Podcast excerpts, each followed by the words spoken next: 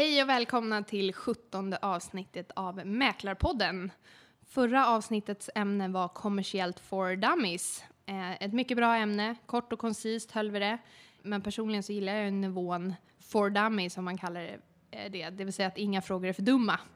Jag tänker ju att om man själv har, har frågan inom sig så är det någon annan som också har det. Så att det, kommer vi nog, det konceptet kommer vi nog ha igen, for dummies. Och Mäklarpodden riktar ju sig till mäklare eller framförallt blivande mäklare. Och eh, bakom en framgångsrik mäklare står ofta en, en, partner som ställer upp och som kanske inte får lika mycket uppmärksamhet alltid. Eh, men denne vill vi uppmärksamma idag. Eh, det vill säga vad tycker partnern om mäklaryrket och hur, hur är det faktiskt att leva med en mäklare?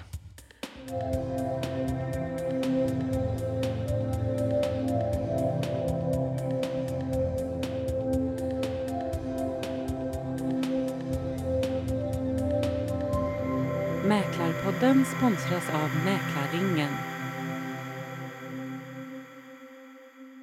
Och då säger jag välkommen till dagens gäst Diego som är partner till en framgångsrik mäklare om man får säga så. Tack. välkommen.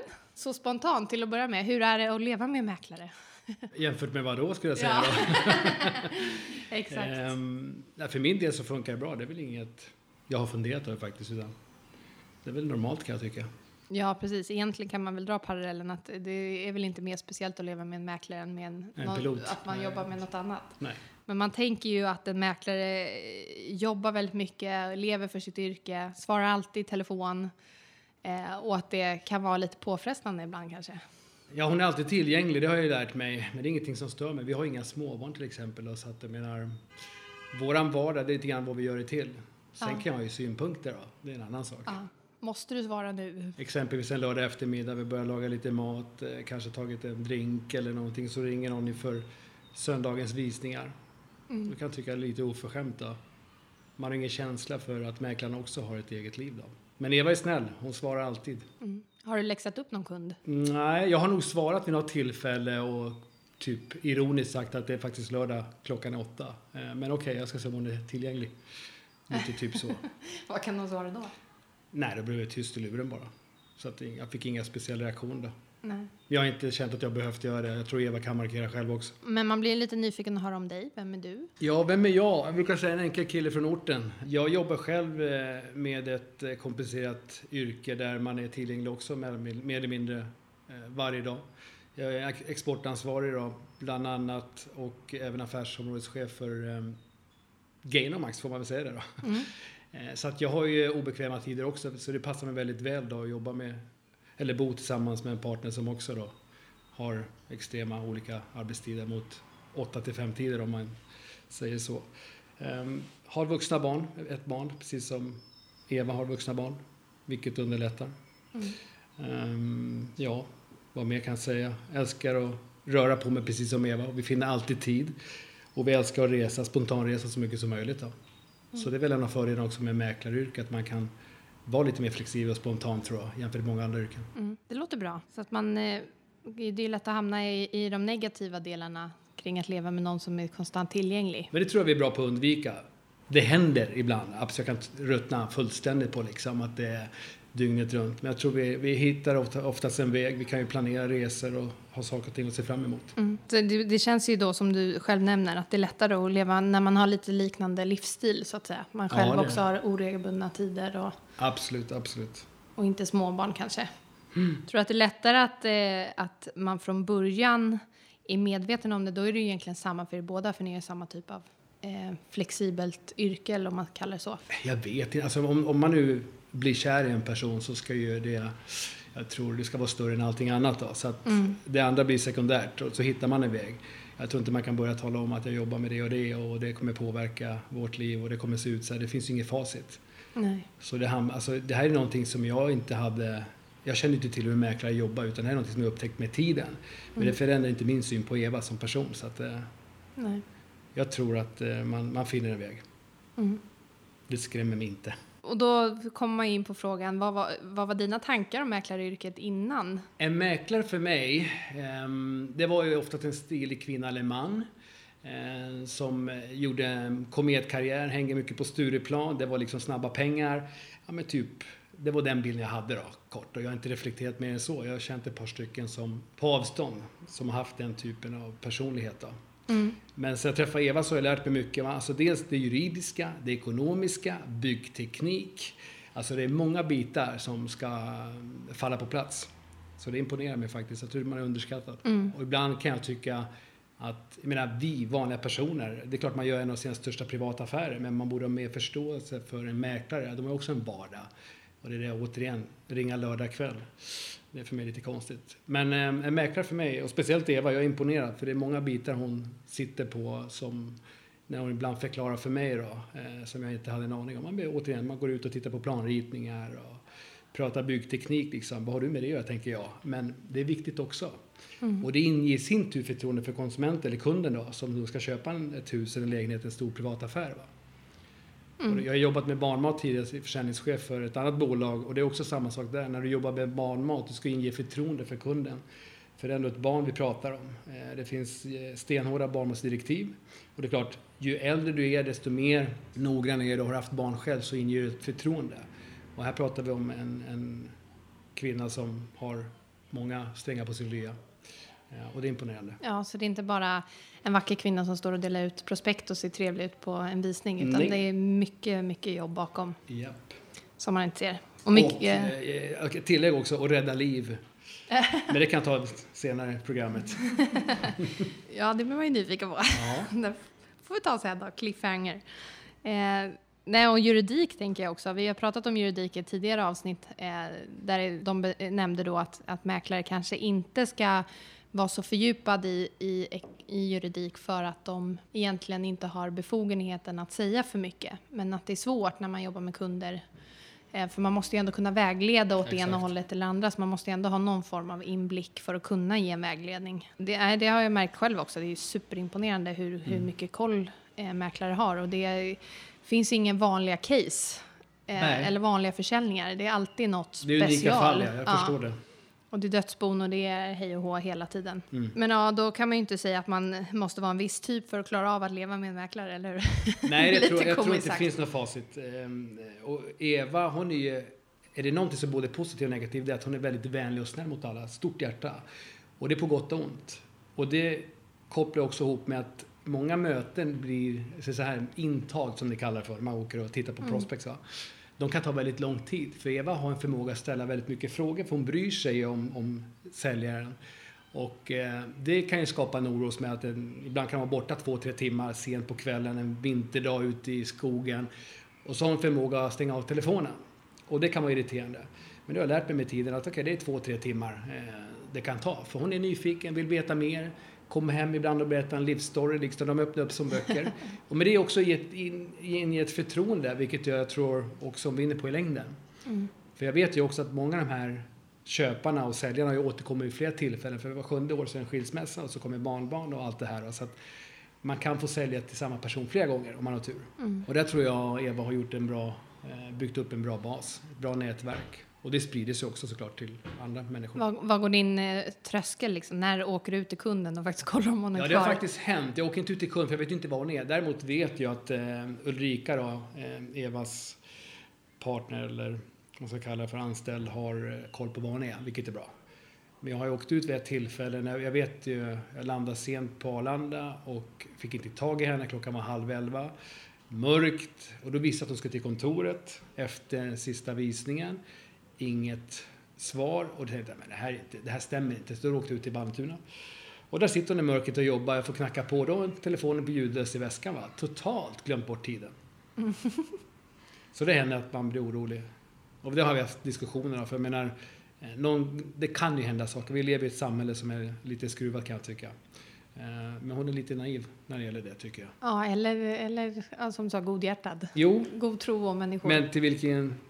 Till vilket pris kanske? Exakt. Ja, jag kan ju tänka mig då om man inte har en assistent eh, eller partner som kan eh, hjälpa till att man som då eh, kärlekspartner får eh, kanske ha ett system, att man berättar vad man är, eh, har en mer tydlig sms-dialog ifall att man skulle, det finns ju psykon överallt, så är det ju. Men Eva är- säger bara, vad kan hända? Exakt. Men nu har det blivit så att jag blir samta, eh, centra, vad heter det, sambandscentral för familjen Lundqvist. Så att sönerna brukar ringa ibland. Eh, Mamma och pappa ringer ibland. Vet du var Eva är någonstans? Svarar inte. men det är helt okej för mig. Så får du börja med en sån här sms. Ringer du Ja, men inte om vill ju 20 veta. minuter ringer jag polisen. Ja, men det är lite man vill ju veta liksom, att allting är okej. bara. Det räcker med ett sms. Va? Menar, hon vet hur jag fungerar. Jag har, haft, jag har en son på 25 som tycker jag är skitjobbig när det gäller sånt.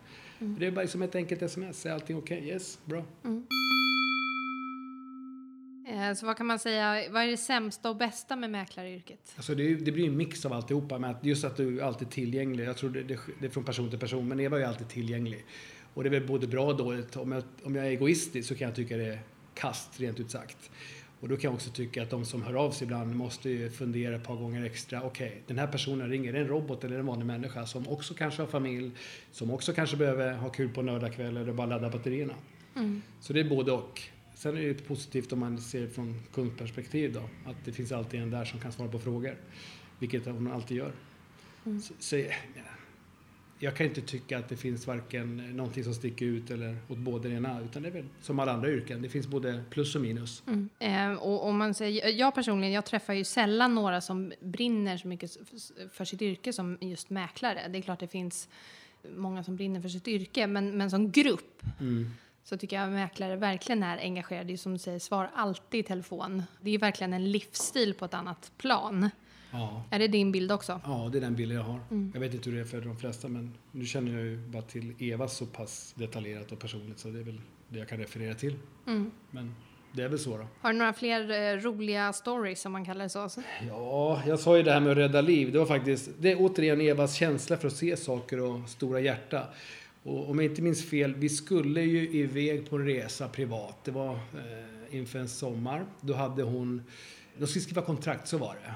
Eh, om jag inte minns fel. Åkte ut till den här farbrorn med ett par som ville ha en sista, jag tror det var en sista visning då. Och de hade med sig ett barn i barnvagn. De hade åkt kommunalt om jag inte minns fel. Den här farbrorn var äldre, han mådde inte riktigt bra. Och Eva misstänkte att han kanske hade tagit lite järn för mycket och liksom han var extremt äldre då. Men i alla fall visningen gick bra och så började det regna. Och det här paret då skulle in i Evas lilla bil för att de hade åkt kommunalt. Så här. Men alla får plats. Och så kände hon att gubben kanske inte var så pass pigg att han skulle köra. För han fått ont i ryggen också. Det börjar med ryggvärk va. Så sätter han i bilen, packar in gubben också, Vallentura kontoret. De kommer, inte, ja, kommer in till kontoret, eh, har en dialog och säger den här farbrorn att jag vill gärna låna toaletten, vilket är en trappa ner. Och nu minns inte jag korrekt, men i alla fall, han säckar ihop. Och eh, det här unga paret hjälper till, Eva ringer 112, eh, kollar puls, väldigt svagt. Och då visar sig att den här smärtan i ryggen, det var ju då aortan som hade brustit. Så att han var alltså inte långt från att checka ut då.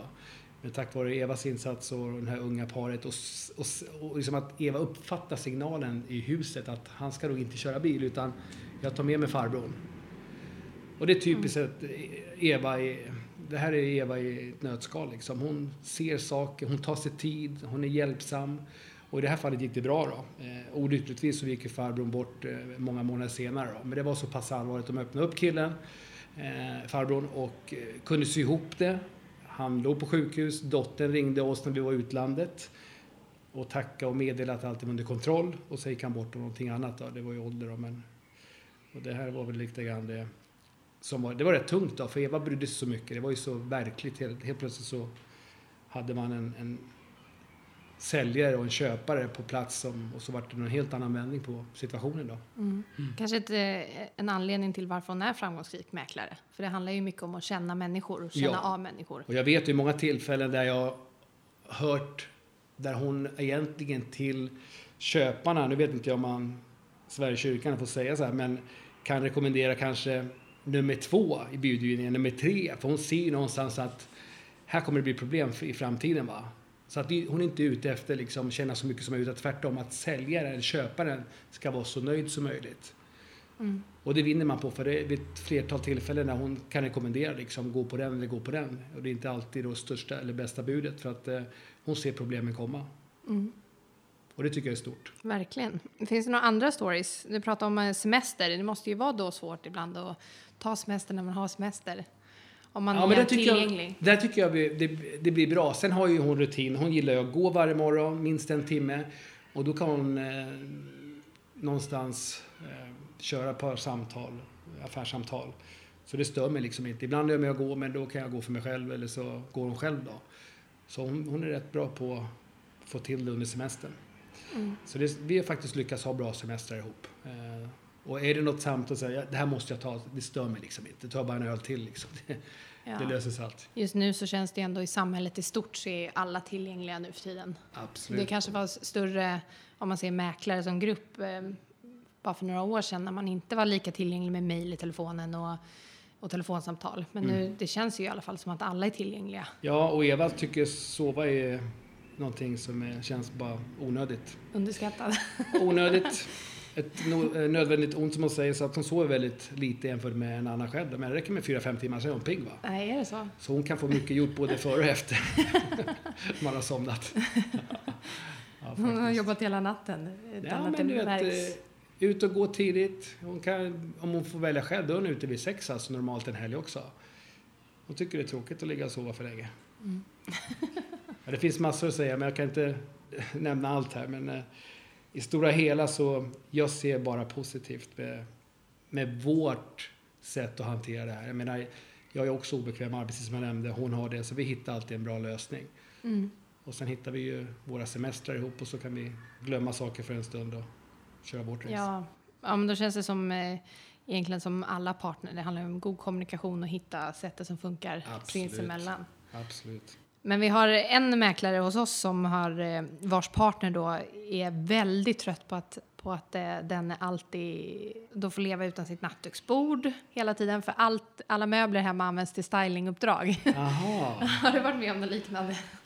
Nej, det tycker jag hon, är, hon gör det bra. Jag tycker bara har varit positiv. För hon har ju öga för detaljer, men efter alla år in, med besöka massa olika hus och också har en, ett intresse för inredning så kan jag bara tycka det är lyxigt. Ja. Sen kan man reflektera ibland att det blir för mycket små saker. Man, för hon prövar sig fram och då måste jag alltid vara framme för att få känna på att det landar rätt och att det känns rätt och så plockas det bort. Och... Men jag klarar mig rätt bra. Vi pratade innan här lite vad man kan eh, ställa för frågor och att vi diskuterade då en generationsfråga. Och du nämnde själv att eh, ni har inte små barn. Nej. Men att vi, vi kan också tänka då att yngre är ju faktiskt inte lika inskolade i 8 till 5 jobb som kanske en, en äldre generation är och att det då är mindre komplicerat att leva med någon som har eh, oregelbundna tider. Hur ser du på den delen? Alltså, jag tror att en ung mäklare får det tufft om man inte har en partner som kan parera de här tiderna. För jag menar, eh, om, kort kan man säga att även om Eva går upp tidigt på vardagarna och kör igång sin dag så kanske hon lämnar ja, halv tio, tio mot kontoret. Då har hon suttit hemma och jobbat lite grann, med, då är hon där, men sen är hon inte tillbaka förrän kanske nio, halv tio i bästa fall om inte man har visningar. Så det är väldigt långa dagar. Alltså det, det börjar kanske något senare än normalt, men det är långa dagar plus helger. Så jag tror, det är tufft att kombinera med småttingar om man inte har en partner som kan parera det hela. För det tror jag, det, och så det kan det komma mycket ad hoc, alltså på volley, som du måste agera på. Det kan vara en plåtning där eh, fotografen tycker att det är alldeles för stökigt och då måste man dit och hjälpa till att städa, vilket har hänt. På med Eh, handskar och hjälpa till.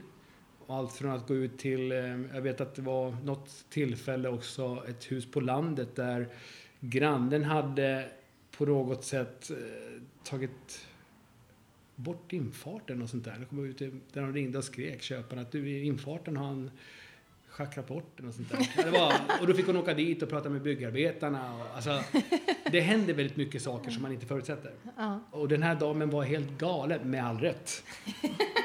Importen är borta. Ja, exakt. Och då, för då skulle hennes möbler, eller om det var byggare, också upp med verktyg och bilar, men de kom inte upp. Så det var ett tvärstopp. Så det har hänt sådana saker. Vilket gör att då får ju man lämna allting under en helg eller just den dagen och sticka iväg. Ja. Så jag tror det är tufft att kombinera. Och sen förväntar man sig som kund, jag menar, både köpare och säljare, att mäklarna är tillgängliga dygnet runt. Mm. Så jag tror när man är förbi det här småbarnsstadiet så tror jag man får en enklare vardag. Om man har en partner som förstår hur det ligger till. Ja, exakt. Det måste, ja, man måste nog ha en partner som förstår livsstilen tror jag. Men samtidigt finns det ju andra mäklare som säger att eh, det är lättare att ha barn i vissa fall. Det är ju tungt såklart eh, för att man måste kanske lämna spontant Mm. och att det är svårare att planera. Men samtidigt att eh, det var en mäklare då som sa så här, men jag är den som är tillgänglig mest Okej. bland föräldrarna på dagis. För jag kan, kan dyka upp en eftermiddag om det behövs. Eh, För vissa andra måste ju ta semesterdagar till exempel för varje aktivitet och följa med på skolresor eller något. Men Mm. en, en mäklare kan ju faktiskt styra sin egna tid och då ställa upp. Till Så exempel. kan det säkert vara. Men jag, jag har ju sett bara Eva in action så att jag kan inte jämföra med någon som har små barn idag. Nej, men i och med att telefonen är mycket ett verktyg menar jag. Att då kan man ju ändå ta telefonsamtal men ändå vara med. Ja, det går ju säkert. Men det är ju svårare då om man behöver åka ut och ta hand om en infart med byggarbetare. Ja, nu vet inte jag hur många, vad som är normalt med antal visningar och, och alltså prospect per kontor och mäklare. Men jag vet att Eva har ju haft en hel del. Nu har det varit lite lugnare sista halvåret, men nu har det tagit fart igen. Då, ser jag att, då blir det liksom mycket visningar, mycket efterarbete, en till visning och det, det ena ger det andra hela tiden. Så att, ja, jag vet inte om det är så att hon också styrt sitt liv efter att inte hon har barn då, så att man planerar därefter, förmodar jag. Mm. Och snacket hemma vid köksbordet då, handlar det bara om bostäder? Nej. Det är en bra mix av alltihopa, men vi har ju också en gemensam nämnare med våra spanska respektive familjer, så vi har mycket av allting. Eh, Så att nej, vi har en bra mix på, på våra samtalsämnen. Men det är klart man är nyfiken, jag vill ju veta och fråga också vad som har hänt idag. Eh, Någon konstig ny story. Jag menar det här med, jag har lärt mig också det här med eh, själva driften. Vad- Driftskostnaderna. Driftskostnaderna, ja, exakt.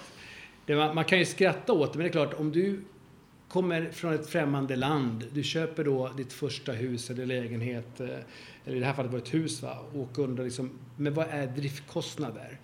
Och det är klart, jag kan ju tycka och tro att här är någon som ska vara ironisk och skämta med Eva och hon kan ju också vara på sin vakt, va? men här måste man vara professionell varje gång någon ringer. Och, det, och så förklarar hon i det här fallet vad driftkostnader var och då så får man höra i andra änden då Okej, så om jag bränner mina sopor själv så får ni driftkostnaderna? Ja, typ så. så att det händer ju roliga saker och de, de storyn vill man ju ta del av. Va? Ja. Man tar ju för givet, men det är inte alltid så enkelt. Nej. Den här frågan kom, kom in vid sidan av förut. Ja. om, eh, om hur det är att leva då med en säljare. Får man sy, en syl i vädret? ja, jag tror vi är rätt bra på att surra båda två rätt mycket. Alltså, jag tror vi är rätt bra där. Ja. Men sen tror jag också vill tillägga en sak att nu pratar mycket om att man ska förstå sig för mäklare som partner, men det är åt båda håll här va? Ja. Mäklare måste sätta sig in i en, alltså en andra partners vardag som skiljer sig rätt mycket av att titta på eh, normalt och arbetstider och tillgänglighet framför allt. Mm. Så det är åt båda håll va? Så att det, det är inte åt ett håll, det vill jag bara betona. Mm. Vad ska de förstå då? då? Nej, men man kan tycka det är jobbigt att vara tillgänglig dygnet runt va? För, för det är främmande för en annan? Mm. Även om jag kan tycka, jag är inte den som förespråkar, alltså visst det finns sommartider, halvdagar, men jag tycker man jobbar tills det är klart va. Eh, så att jag, har, jag, jag tror jag har större förståelse för henne än många andra kanske normalt, men man måste ha med sig det tror jag. Mm. Tillgängligheten kan vara störande. Mm. Vad bra. Vi har ju berört en del eh, s- roliga saker här. Eh, är det något du känner att du vill tillägga ytterligare? Eller, och kan du rekommendera att leva med en mäklare då? Absolut, absolut. Men jag skulle inte rekommendera att, tala, att man börjar tala om vad man har för yrken utan kanske prata om andra saker först. Då. Ja, precis. Det är tips. Ja, det är ju svårt att välja vad ens partner ska Eller jobba hur? med. Eller hur? Man kan ju bli mäklare på senare år också. Ja. Och känns det bra för dig, Eva? Ja, det känns bra. Det är väl ingen Jag skilsmässa känner, igen, jag känner igen vår vardag. Ja. Nej, men jag vill, eh, det är väl det som finns att säga tror jag. Det finns eh, säkert mer detaljer men i stora hela så tycker jag för min del passar det utmärkt att bo med en mäklare.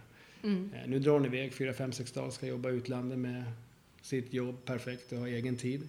Men då vet hon också att det är väl mest på kvällen att allting är lugnt så jag slipper vara orolig och åka ner. Ja. Åka hem till någon kund och banka på rutan mitt i Ja. natten. Det blir svårt att flyga ner till Spanien i det här fallet. Då, men, Ja. nej då, men att det, det är bra. Då får man längta lite. Härligt. Mm. Nu tror jag att vi har fått en liten bild av eh, hur det är att leva med mäklare. Ja, någorlunda i alla fall va? Ja, jag skulle säga att det inte är helt lätt, men eh, i det här fallet så låter det ju mycket lättare än vad man tror. Ja. Det handlar ju faktiskt om eh, kemi och person till person. Lite grann och sen vad man tycker är ett problem och inte. Men det finns så mycket annat skit som man kan fokusera på. Vi, alltså för oss, Ja. vi, har, vi har en lyxig tillvaro kan jag säga. Vuxna barn, inga som stör. Vi har liksom stor frihet, älskar mer eller mindre samma saker spontant. Så det är Ja. lyxigt. Ja, härligt. Mm. Och det var faktiskt eh, sista avsnittet för i år. Men vi kommer självklart tillbaka nästa år med nya spännande ämnen. Högt och lågt blandat med nytta och nöje. Hoppas ni där ute vill fortsätta att följa Mäklarpodden. Och tack Diego för att du kom hit. Tack. Eh, gå gärna in på vår Facebook-sida och skriv en kommentar eller önskemål på vad ni vill att vi ska ta upp här under nästa år. Eh, och vi lägger även upp andra roliga saker där. Så om vi inte hörs, eh, happy halloween som troligen har varit nu. God jul och gott nytt år. Glad påsk och glad sommar väntar vi med. Men eh, tack och hej så länge.